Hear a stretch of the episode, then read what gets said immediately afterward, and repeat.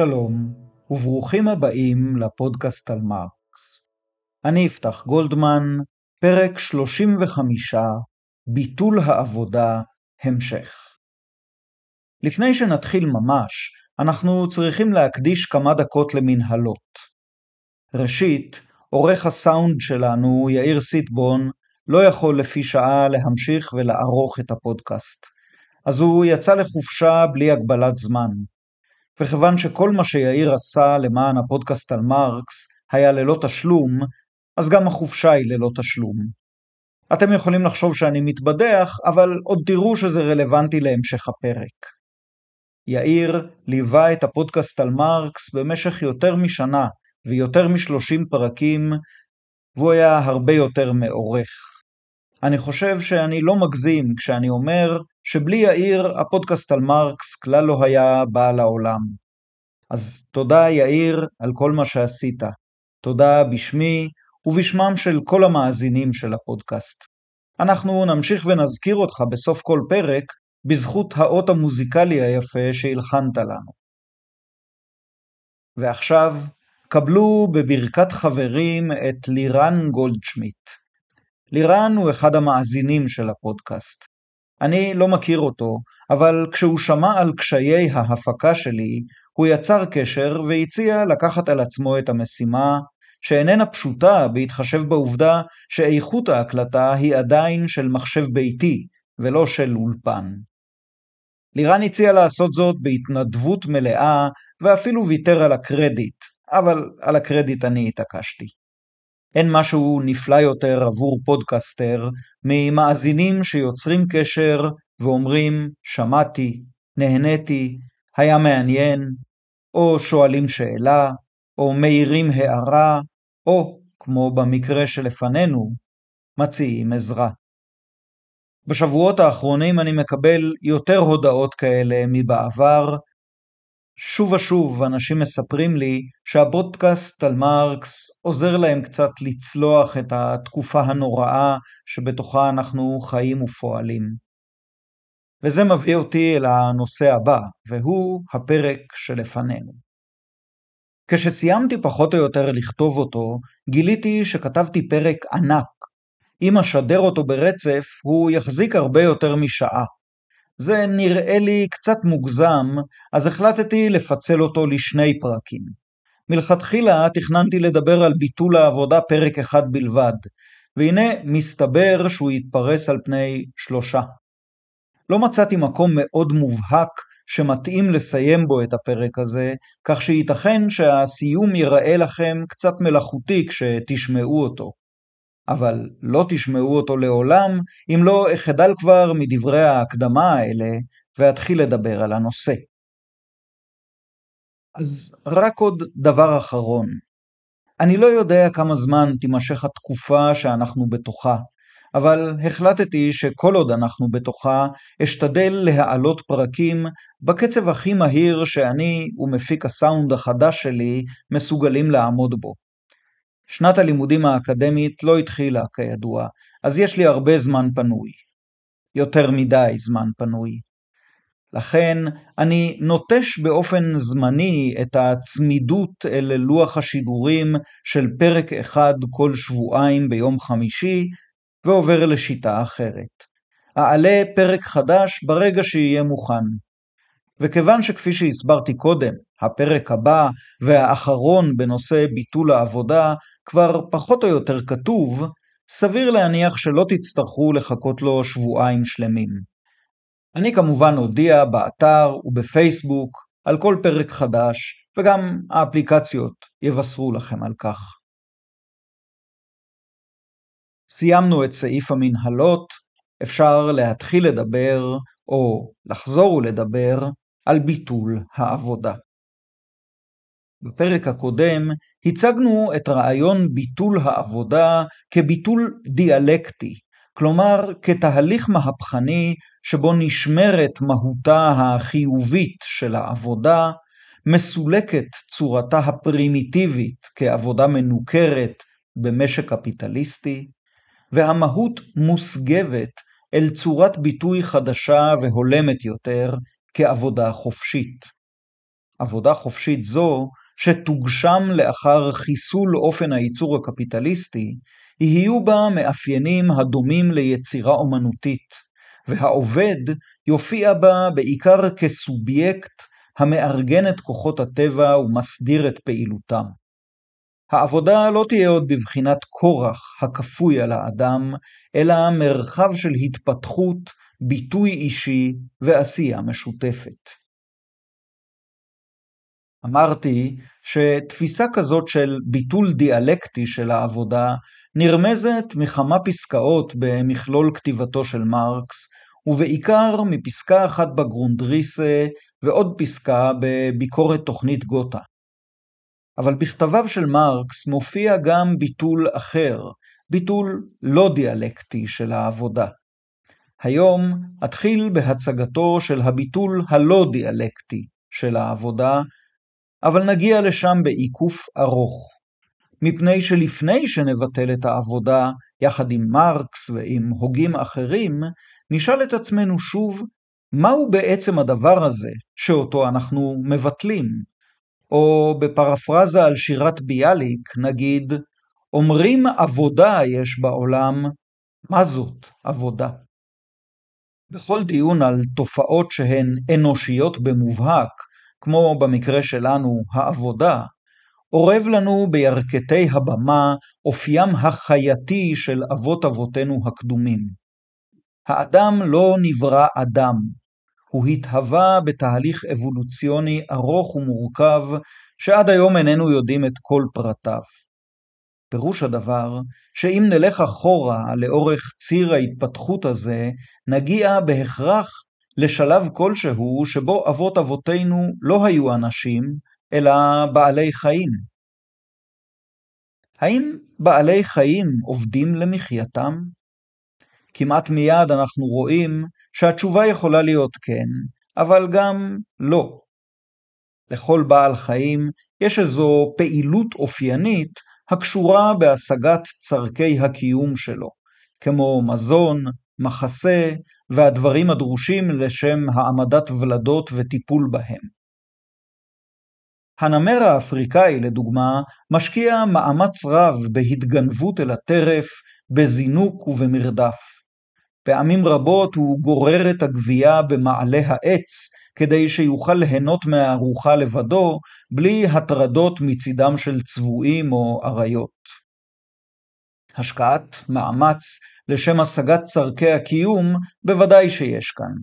ויש גם דברים שלפחות נראים לנו דומים לתכנון מוקדם ולהצבת יעדים. כל אלה הם ללא ספק מאפיינים של עבודה. הנמר הוא חיה יחידאית, ולכן הוא עובד, אם הוא עובד, ביחידות. אבל אם נעבור להתבונן בחיות להקה, כמו הזאבים לדוגמה, נראה שהפעילות שלהם להשגת מזונם היא בדרך כלל פעילות משותפת ומתואמת בין כמה וכמה פרטים בלהקה. בעלי החיים הקרובים לנו ביותר, קופי האדם ובפרט השימפנזות, גם הם חיים בקבוצות, מלקטים מזון בקבוצות ואוכלים ביחד. האם השימפנזים עובדים? ובעוד אנחנו מתלבטים בשאלה זו, כבר אנחנו רואים איך דוהרות לעברנו השאלות הבאות. האם האדם הקדמון עבד? ואנשים בימינו, בפינות נידחות של כדור הארץ, שחיים עדיין בתקופת האבן כחבורות של ציידים לקטים, האם הם עובדים?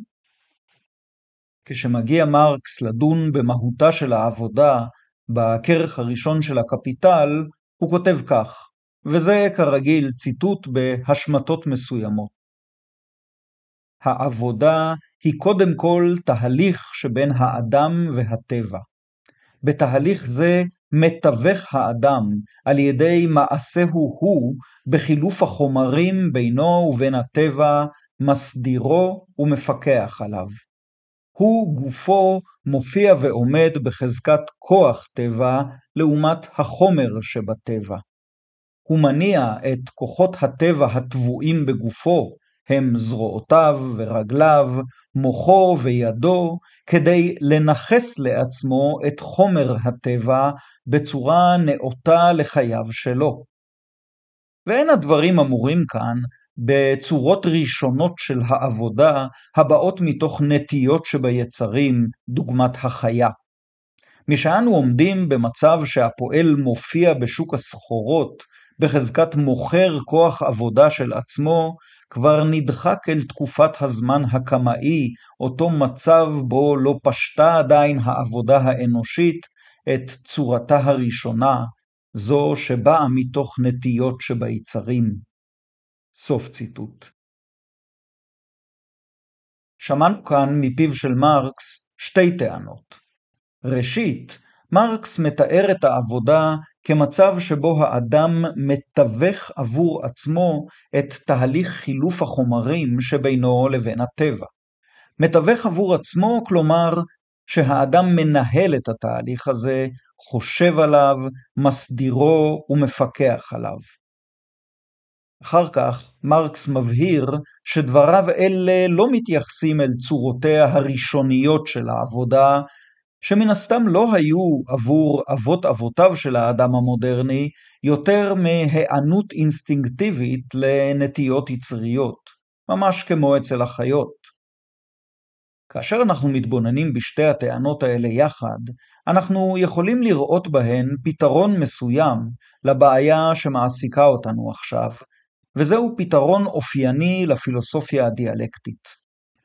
הדיאלקטיקה כמו ממליצה לנו לוותר בדיון הפילוסופי על ההבחנות הדיכוטומיות של כן או לא, כלומר, כן עבודה או לא עבודה, ולאמץ במקום זאת דיבור על יותר ופחות, על מובהקות גדולה או קטנה, ועל הבדלים בכמות המתפתחים לכדי מהות חדשה.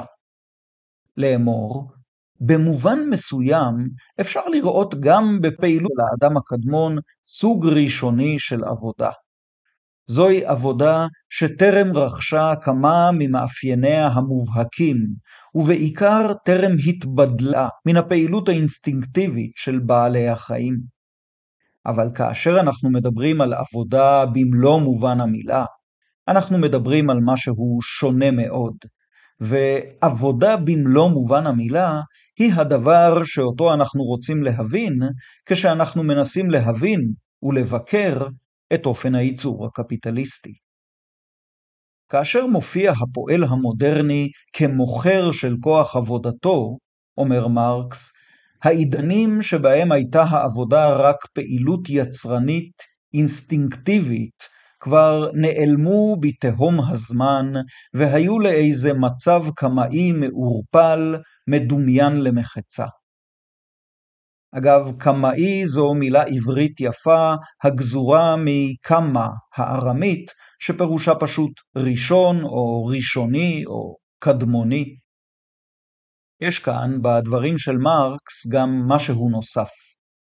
מסתתר בהם פולמוס שלו עם כמה גישות תאורטיות בפילוסופיה, במדע החברה ובכלכלה, שהיו רווחות למדי במאות ה-18 וה-19.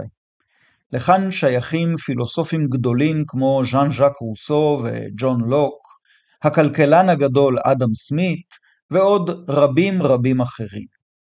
אגב, כדי שלא תתפסו אותי במילה, ג'ון לוק זה סוף המאה ה-17, ואם הייתי ממש מתעקש, הייתי יכול לדחוק את המגמה הזאת אחורה עד לתומאס הובס באמצע המאה ה-17.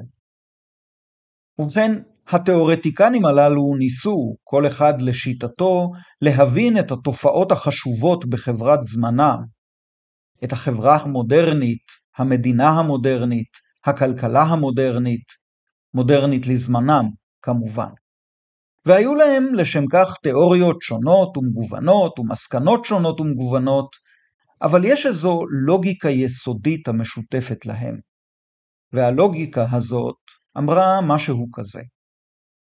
על מנת להבין את המציאות המודרנית, עלינו לערוך אנליזה תאורטית של מושא המחקר שלנו, נניח החברה, הכלכלה, או בעיקר האדם עצמו, ולזהות בו מאפיינים מהותיים שאפיינו אותו כבר בראשית הדרך, כבר במצבו הטבעי או במצב הטבע שלו. חשוב להדגיש, הם לא היו ארכיאולוגים ולא אנתרופולוגים. שני תחומי הדעת האלה עוד לא היו קיימים כלל. התאורטיקנים שעליהם אני מדבר יצרו את מצב הטבע הקמאי כאיזה קונסטרוקט תאורטי שהושתת על הנחות יסוד שלהם בדבר טבע האדם והחברה. במבט לאחור, מראשית המאה ה-21, אנחנו יכולים לומר שהנחות היסוד הללו היו מרתקות ולפעמים אפילו נשגבות, אבל לא פעם גם מופרכות לחלוטין. את הפרק השישי של הפודקאסט על מרקס, הפרק שכותרתו בראשית היה הברטר, הקדשתי לברורה של אחת מן ההנחות המופרכות הללו. מכל מקום, הפילוסופים והתאורטיקנים שעליהם אני מדבר כאן, לאחר ששרטטו איזו ספקולציה על אודות מצב הטבע, הריצו כביכול את הסרט קדימה והראו כיצד המציאות האקטואלית של זמנם השתלשלה והתהוותה מתוך אותו מצב טבע ראשוני.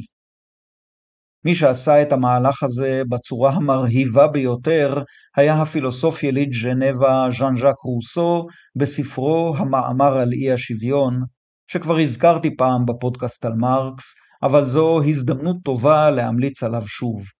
כן, הוא יצא בעברית, בהוצאת מגנס, בתרגומו של עידו בסוק, בתוך קובץ הכולל שני מאמרים של רוסו. מרקס, ביותר ממקום אחד, ביקר בחריפות את מתודת החקירה הזאת. ולא משום שהתנגד לחקירה היסטורית, ספריו מלאים בחקירות היסטוריות, אלא שהוא האמין שאת המחקר ההיסטורי צריך לעשות, ובכן, כמחקר היסטורי, לא כספקולציה פילוסופית שמניחים אותה מראש כתקפה ואז כופים אותה הר כגיגית על העובדות. ושנית, מרקס האמין שעל מנת להבין את המציאות המודרנית באמצע המאה ה-19, אין צורך להרחיק לכת עד לאיזה מצב טבע שהתקיים, אם בכלל התקיים, לפני אלפי שנים. לדעתו, כמעט כל התהליכים ההיסטוריים החשובים לשם הבנת אופן הייצור הקפיטליסטי והחברה המודרנית, התרחשו במשך 300 השנים האחרונות שלפני זמנו, או 400 לכל היותר. וכיוון שאלה תהליכים היסטוריים בעלי אפקט של כדור שלג המאיץ את עצמו, הנה בדרך כלל הם הופיעו בצורתם המובהקת במאה השנים האחרונות לכל היותר. אני מרגיש שתליתי כאן יותר מדי הררים בסערה אחת. אז נסכם ונאמר בשמו של מרקס כך: אתם רוצים להבין מה זאת עבודה? ובכן, הניחו לדיון על בעלי החיים, והאדם הקדמון, והאדם במצבו הטבעי, וכן הלאה, והתבוננו באדם העובד כפי שהוא נגלה לעיניכם. שאלו את עצמכם, הם המאפיינים המובהקים ביותר של העבודה שאותה אתם רואים וחוקרים? נקבל את עצתו של מרקס. נתבונן באדם העובד כפי שהוא מוכר לנו. אמרנו כבר שבעבודתו האדם מתווך את חילוף החומרים שבינו לבין הטבע. אמרנו גם שהעבודה היא כמעט תמיד פעילות חברתית. עניין זה לא מופיע בפסקה שקראנו ממרקס, אבל הוא מופיע אצלו בהרבה מקומות אחרים. כעת, מרקס מפנה את תשומת ליבנו אל רכיב נוסף. ציטוט בצד יגיעת איבריו הפועלים של העובד, דרוש לכל משך העבודה הרצון התכליתי, זה שמתגלה כשימת לב. ואותה שימת הלב דרושה במידה יתרה ככל שעצם תוכנה של העבודה ואופן ביצועה עשויים פחות למשוך את ליבו של הפועל, היינו ככל שפוחתת הנאתו בעבודה כמשחק כוחותיו הוא הגופניים והרוחניים. אמרתי שמרקס מפנה את תשומת ליבנו לרכיב נוסף, אבל בעצם מופיעים כאן שני רכיבים. הראשון הוא הרצון התכליתי, המתבטא כשימת לב. העבודה, כל עבודה, תובעת מאיתנו ריכוז ומשמעת עצמית. הרצון התכליתי שלנו, הרצון המציב לנו מטרות, מצווה עלינו לעבוד. וכאן נרמז בדבריו של מרקס הרכיב האחרון של העבודה, כאשר הוא אומר ששימת הלב של הפועל נחוצה יותר ככל שפוחתת הנאתו מהעבודה, ככל שרחוקה עבודתו מלהיות הפעלה חופשית של כוחותיו הגופניים והרוחניים. הנה מתגלה לפנינו העבודה כפי שהתגלתה עבור הרוב המכריע של בני האדם במשך חמשת אלפים השנה האחרונות לפחות. העבודה כעמל, העבודה כסבל, עבודה שהיא קללה שבה קולל אדם הראשון כשגורש מגן העדן. בזיעת אפיך תאכל לחם. סוף סוף יצא המרצע מן השק. במשך 1,500 מילים מוליך אותנו בעל הפודקאסט על מרקס סחור סחור בניסוחיו הנפתלים, והנה הוא אומר לנו את מה שכולנו ידענו כל הזמן. עבודה זה איכסה. אנחנו שונאים לעבוד. אנחנו אוהבים להתבטל. אנחנו ממש ממש מעדיפים לאכול לחם בלי לשלם עליו בזיעת אפינו, ואם אפשר אז לא לחם אלא עוגות. אז יאללה, בואו נבטל כבר את העבודה. זאת אומרת, זה לא שאנחנו לא מכירים את כל השירים והסיפורים היפים שנכתבו בשבח העבודה. מכירים. אבל ככל שהדבר תלוי בנו, אנחנו מעדיפים לכתוב שיר על עבודה מאשר לעבוד ממש. ואילו רק היה אפשרי הדבר, היינו מעדיפים לא לעבוד וגם לא לכתוב שירים, אלא לנמנם בארסל, או לשכשך רגלינו במי הפלג, או לטייל עם בני משפחתנו בתוך שדות ירוקים, או לתנות אהבים עם בן או בת זוגנו, או עם אחרים, בכל אופן, לא לעבוד. אז אם הפרק הזה של הפודקאסט על מרקס נושא את הכותרת היומרנית ביטול העבודה, ועוד ביטול העבודה המשך, אז נשמח אם בעל הפודקאסט יסביר לנו סוף סוף איך אפשר לבטל את העבודה. אוקיי, אבל כדי שנבין עד כמה יומרנית התביעה הזאת לביטול העבודה, בואו נעיין לרגע בהבטחה אלוהית עתיקה לעם ישראל. אני קורא מאחד מן התיאורים הרבים המופיעים בתורה על אודות הארץ המובטחת. זה בספר ויקרא, פרק כ"ו, ואני מצטט: אם בחוקותיי תלכו, ואת מצוותיי תשמרו ועשיתם אותם, ונתתי גשמכם בעיתם, ונתנה הארץ יבולה, ועץ השדה ייתן פריו. והשיג לכם דיש את בציר, ובציר ישיג את זרע, ואכלתם לחמכם לשובע, וישבתם לבטח בארצכם. מה מובטח כאן בעצם לעם ישראל? למה יכולים הישראלים לקוות אם ילכו בחוקות שהציבה אותם האל? ובכן, מה שמובטח להם זה הרבה מאוד עבודה. כל כך הרבה עבודה, שהעונות החקלאיות יעלו אחת על השנייה, ולא יהיה לחקלאי הישראלי רגע אחד של מנוחה. ככתוב, והשיג לכם דיש את בציר. דיש, לאלה מכם שחסרים רקע חקלאי רלוונטי, זה מה שעושים לשיבולי החיטה כדי להפריד את הגרעינים מן הקליפות והגבעולים. את החיטה דשים לאחר הקציר, כלומר בסוף האביב או בתחילת הקיץ.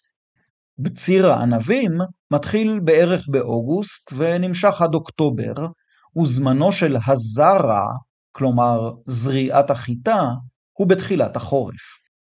הפסוק שקראנו מבטיח לעיקר הישראלי עבודה ללא הפסקה. עונת הדיש לא תסתיים עד שיתחיל הבציר, ועונת הבציר לא תסתיים, וכבר יהיה על העיקר להתחיל בזריעה. תשאלו, איזו מין הבטחה זו? ובכן, ההבטחה נמצאת במילים הבאות, ואכלתם לחמכם לשובע. כלומר, שפע של מוצרים ושפע של עבודה. אכן, בזיעת אפיך, אבל מצד שני, תאכל לחם. זה כמובן ממש לא מה שביקשנו. אנחנו ביקשנו שפע של מוצרים בלי עבודה. אבל רגע לפני שאנחנו מפנים את גבנו במיאוס להבטחה האלוהית, נעצור לרגע לחשוב.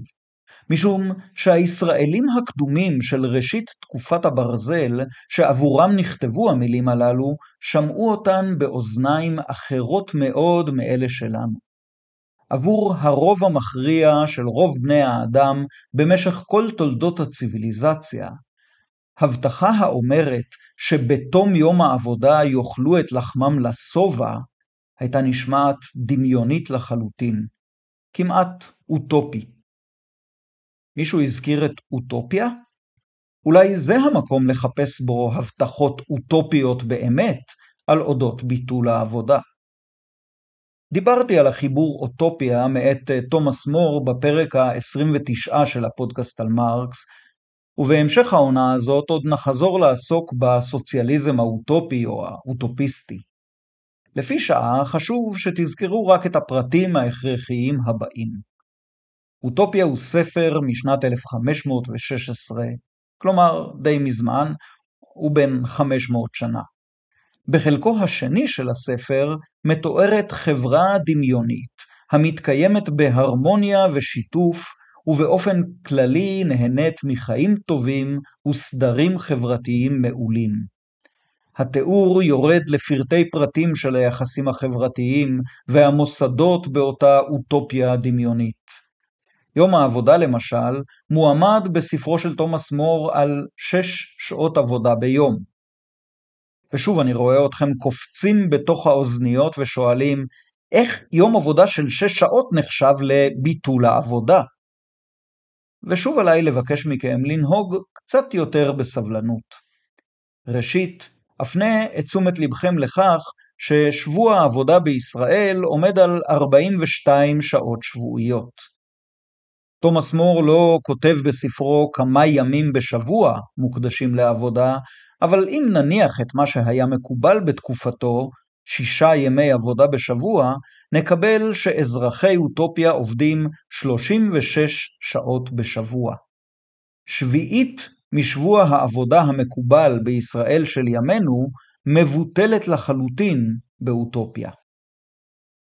וזה גם נותן לנו רמז ראשון לכיוון הממשי שבו עלינו לפסוע עם רעיון ביטול העבודה.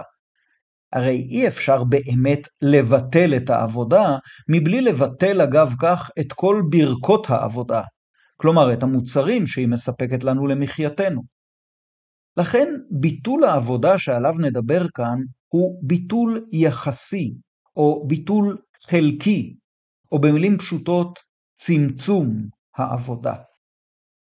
ובטרם נשקע כולנו בדומיית השלמה, אקרא לכם פסקה קצרה מן החיבור אוטופיה, שהיא אחת מן הפסקאות האהובות עליי בחיבור כולו. אני קורא מהתרגום החדש יותר של איילת אבן עזרא, שיצא לאור בהוצאת רסלינג בעמוד 107. ציטוט ובכן, הואיל והכל עוסקים במקצועות מועילים, וכן נדרשת בהם עבודה מעטה יותר, התוצאה היא ללא ספק שפע כה רב של תוצרת, עד כי מדי פעם הם מפנים מספר רב של אנשים לשיקום הדרכים הציבוריות, אם ישנן דרכים משובשות. לעתים מזומנות, כאשר אין צורך בעבודה מסוג זה, הם מכריזים בציבור באופן רשמי על יום עבודה מקוצר. פקידי הממשל אינם מאלצים אזרחים לעבוד בעבודה מיותרת נגד רצונם, שכן מטרה אחת ויחידה עומדת לנגד עיני מוסד המדינה, לפנות את מרב הזמן עבור האזרחים כולם, ככל שצורכי הכלל מאפשרים זאת, למען יוכלו לצאת מעבדות הגוף אל חירות הרוח וטיפוחה. בזאת, סבורים הם, נעוצים החיים המאושרים. סוף ציטוט. למה אני כל כך אוהב את הפסקה הזאת? ראשית, משום שהיא מדגימה היטב את העדפה המובנית בהיסטוריה של תרבות המערב לחיי הרוח על פני הגוף. הרוח היא חופשית, הגוף משועבד. כך לימד כבר אפלטון הזקן, ומאז כמעט כולם חזרו על הרעיון הזה. מתחבאת כאן איזו חלוקה דיכוטומית קלאסית. הגוף נמוך, הנפש נעלה, החומר נמוך, הרוח נעלה, הנקביות נמוכה, הזכריות נעלה, וכן הלאה. לפעמים מציגים את מרקס כמי שביקש להפוך את הדיכוטומיה הזאת על פיה, להעדיף את החומר על פני הרוח, אבל זה לא נכון. לא להפוך את הדיכוטומיה הזו הציע לנו מרקס, אלא לבטל אותה. אבל אחזור אל הפסקה של תומאס מור. דבר נוסף שאני אוהב בה הוא הריאליזם שבה. כמעט הייתי אומר ריאליזם אוטופי. תומאס, כמו אומר לנו, ראו, העבודה היא עמל של הגוף, והיא תישאר כזאת גם באוטופיה. אפשר לפנטז על איך להפוך את העבודה לשעשוע, ותומאס גם מרמז לכך בפסקה אחרת בספרו. אבל בחשבון אחרון, המשימה החברתית החשובה היא לצמצם את חלקה של העבודה בחיים האנושיים. וזו לא סתם משימה חשובה, זו המשימה החשובה ביותר. וזה מביא אותי אל הסיבה השלישית שבגללה אני אוהב כל כך את הפסקה הזאת. לאורך כל קריאתי בטקסטים תאורטיים ופילוסופיים על אודות מוסד המדינה, לא מצאתי ניסוח טוב יותר למטרה החשובה ביותר שצריכה לעמוד לנגד עיני מוסד המדינה. ציטוט: לפנות את מרב הזמן עבור האזרחים כולם, ככל שצורכי הכלל מאפשרים זאת, למען יוכלו לצאת מעבדות הגוף אל חירות הרוח וטיפוחה. בזאת, סבורים הם, נעוצים החיים המאושרים. כתבו לכם על הדסקטופ את הפסוק הזה, לפנות את מרב הזמן עבור האזרחים כולם, ככל שצורכי הכלל מאפשרים זאת, למען יוכלו לצאת מעבדות הגוף אל חירות הרוח וטיפוחה. ואם במהלך לימוד או קריאה או מחשבה או התבוננות תמצאו תכלית יפה מזו למוסד המדינה, אנא מהרו לכתוב לי על כך. אולי אפילו תקבלו אזכור בפודקאסט על מרקס. ובכל זאת, צריך לתקן כאן את תומאס מור. כפי שרמזתי קודם, ההבחנה שלו בין עבדות הגוף לחירות הרוח היא הבחנה קלאסית, אבל דווקא משום כך גם מיושנת, ובעיניי לפחות לא תקפה. העיקר איננו בניגוד גוף לעומת רוח, או חומר לעומת רוח, אלא בניגוד עבדות לעומת חירות, או שיעבוד לעומת חירות. חירות, על פי תומאס מור ורבים אחרים, אינה זהה עם בטלה או פסיביות, אלא דווקא עם פעילות. לעניין זה שייכת מילה יוונית עתיקה שתומאס מור הכיר היטב. אין לי ספק שעליה הוא חשב כאן, אבל גם אין לי דרך להוכיח זאת. המילה היוונית שאליה אני מתכוון היא סחולי, ופירושה בעברית הוא פנאי.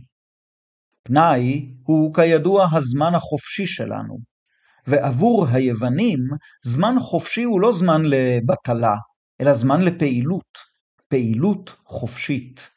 ואין לך פעילות חופשית יותר מן העיון והלימוד, או כך לפחות חשבו היוונים. הרומאים אימצו את המילה מן היוונים והכניסו אותה אל הלטינית כסקולה. אבל בשפתם כבר נעלמה לגמרי המשמעות המקורית של פנאי, ונשארה רק המשמעות של לימוד, או של קבוצת לומדים, או של מלומדים, או של בעלי משנה משותפת. ומכאן באנגלית המילה סקול, וגם המילה אסכולה שהתאזרחה בעברית. אמור מעתה, כשאתה לומד, כשאתה בבית הספר, בסקול שלך, אתה מצוי בפנאי, בסחולי שלך. כשהסטודנטים שלי מתקוממים על הטענה הזאת, אני נוהג להזמין אותם להיכנס איתי למכונת זמן. אנחנו חוזרים רק 150 שנים אחורה, והתלמידים שלי מוצאים עצמם בליבו של מכרה פחם או ברזל, או במעמקיו של מפעל טקסטיל, כשהם מכלים את זמנם בעבודה מפרכת, בכריית המחצבים או ליד פס ייצור אכזרי.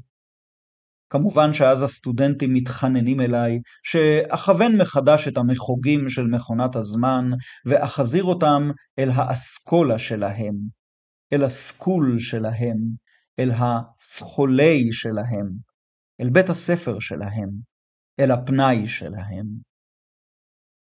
אם אני לא אחזור עכשיו מהר אל הציר המרכזי של הדיון שלנו, אני אובד לנצח במבוך שיצרתי לעצמי. אז uh, כל המאזינים בעלי ההשכלה הקלאסית מוזמנים עכשיו לעוט על המקלדות שלהם ולמנות עבורי את כל הטעויות שאמרתי בקטע הקודם. אני מבטיח לתקן בהכנעה בפרק הבא. ועכשיו אני חוזר לנושא. בניגוד למה שחשבו היוונים העתיקים, ואולי גם בניגוד למה שחשב תומאס מור שכתב את אוטופיה, קרל מרקס חשב שפעילות חופשית אינה בהכרח פעילות רוחנית, ואפשר גם להוסיף שפעילות רוחנית אינה בהכרח חופשית. אבל אם נוותר על הקריטריון השגוי של פעילות גופנית לעומת פעילות רוחנית, כיצד בכל זאת נבחין הבחנה תקפה בין פעילות חופשית לפעילות שאיננה חופשית? אחת התשובות הקלאסיות בתולדות הפילוסופיה תשובה שהיא בעיניי בעלת טעם, היא זאת. פעילות היא חופשית במידה שבה התכלית שלה היא פנימית לה, או שהיא תכלית לעצמה. פעילות היא בלתי חופשית במידה שהתכלית שלה חיצונית לה, או מוכתבת לה מבחוץ. רוצים דוגמה? אשתמש בדוגמה ששמעתי לפני 30 שנה מפי המרצה שלי לפילוסופיה מרקסיסטית, פרופסור צבי טאובר. בסיפור שלו הופיע סניף דואר, אבל אני חושש שהיום אף אחד לא יבין את הביטוי, אז אחליף את סניף הדואר בחנות נעליים. נבחן שני מקרים. מקרה א', נניח שאני יוצא מביתי לטיול של אחר הצהריים במזג אוויר נאה ברחוב הראשי של עירי. אני מטייל להנאתי. יש לי, כפי שאומר אסי כהן, ממש כפכוף של טיול. בדרכי אני מגיע לחנות הנעליים החביבה עליי. אני נכנס ומחליף כמה דברי נימוס עם המוכר. אחר כך אני חוזר באותה הדרך לביתי. סוף המקרה הראשון. ועכשיו אני יוצא מביתי והולך לקנות נעליים. אני פוסע ברחוב הראשי של עירי, מגיע אל חנות הנעליים, ולבסוף חוזר, ביתי ובידי קופסה של נעליים חדשות. במקרה השני, הפעילות שלי מונחית ומכוונת על ידי התכלית החיצונית. אני זקוק לנעליים, ולשם כך אני פועל. במקרה הראשון, אני עושה כמעט אותה הפעילות עצמה, אבל הפעם אין לי כל תכלית חיצונית, אין שום מטרה הניצבת כביכול מחוץ לפעולת הטיול העירוני, או מעליה וחולשת עליה כביכול. אז אפשר לומר שבמקרה הראשון, בשעת הטיול, פעלתי פעילות חופשית, ובמקרה השני הפעילות שלי לא הייתה חופשית, משום שמטרתה נקבעה לה מבחוץ. למשל, במקרה הראשון יכול הייתי לסטות ממסלולי לסמטה צדדית, לו רציתי בכך, מבלי לשנות מאופייה של הפעילות. אבל במקרה השני, המקרה של קניית הנעליים, סטייה כזאת הייתה מחבלת במטרת הפעילות. אחד הדברים המאפיינים דוגמאות של מורים לפילוסופיה הוא שהדוגמאות פשוטות מדי. אם נעבור לבחון מקרים מעט יותר מורכבים, נגלה שההבחנות הללו מסתבכות לנו. מה נגיד למשל על מה שאני עושה ברגע זה, כותב פודקאסט או מקליט אותו? האם זו פעילות שתכליתה פנימית או חיצונית לה? ואם נניח זה לא היה פודקאסט אלא סדרת הרצאות בתשלום, האם זה היה משנה את פעילותי? באיזה אופן זה היה משנה אותה? אני מלמד סטודנטים כבר 30 שנה תמורת משכורת שאני מקבל מן המוסד שבו הם לומדים. האם אני עובד בשביל המשכורת? האם המשכורת היא תכלית עבודתי? כל אלה הן שאלות מצוינות. עד כדי כך מצוינות שלא אענה עליהן כאן, אלא אשיב לכם בשאלה על שאלה. רק שלפני שאשיב, אומר את המובן מאליו. הפודקאסט על מרקס היה, הווה ויהיה ערוץ שידור חינמי ופתוח לקהל הרחב. ועכשיו השאלה על השאלה. אנחנו מתקשים לסווג את עבודת המרצה או הפודקסטר כעבודה חופשית או בלתי חופשית. האם היינו מתלבטים כך לגבי עבודתו של כורה פחם במאה ה-19? או לגבי עבודתה של תופרת סינית המועסקת באחת מסדנאות היזע שבהן מייצרים את החולצות האופנתיות שאנחנו לובשים? זאת אומרת, אתם יכולים לדמיין לעצמכם אישה כזאת קמה בבוקר ומרצונה החופשי ולשם משחק חופשי של כוחותיה הרוחניים והגופניים נכנסת אל מפעל הטקסטיל ומתיישבת ליד המכונה? נדמה לי שכדי שתוכלו בכלל לדמיין דבר כזה, תצטרכו לדמיין קודם את ביטולו המהפכני של אופן הייצור הקפיטליסטי כולו. והרי על זה אנחנו מדברים בחשבון אחרון בפודקאסט על מרקס. אז הבה נזכור שהרוב המכריע של בני האדם במשך הרוב המכריע של תולדות הציוויליזציה ועד ימינו עבדו ועובדים בתנאים הדומים לאלה של קורא הפחם או של פועלת הטקסטיל, הרבה יותר מכפי שהם דומים לתנאיו של מרצה לתיאוריה מרקסיסטית. וגם אם נחשוב על עבודה קצת פחות משעממת ומפרכת מקריאת פחם, עבודה חקלאית עדיין עלינו להסכים עם תומאס מור שמן הראוי להעמיד את העבודה הזאת על המידה המינימלית הנחוצה כדי להבטיח לכל האזרחים כולם את מה שאנחנו מחשיבים כרמה נאותה של סיפוק צורכי הקיום, ולא לאלץ איש לעבוד בעבודה מיותרת.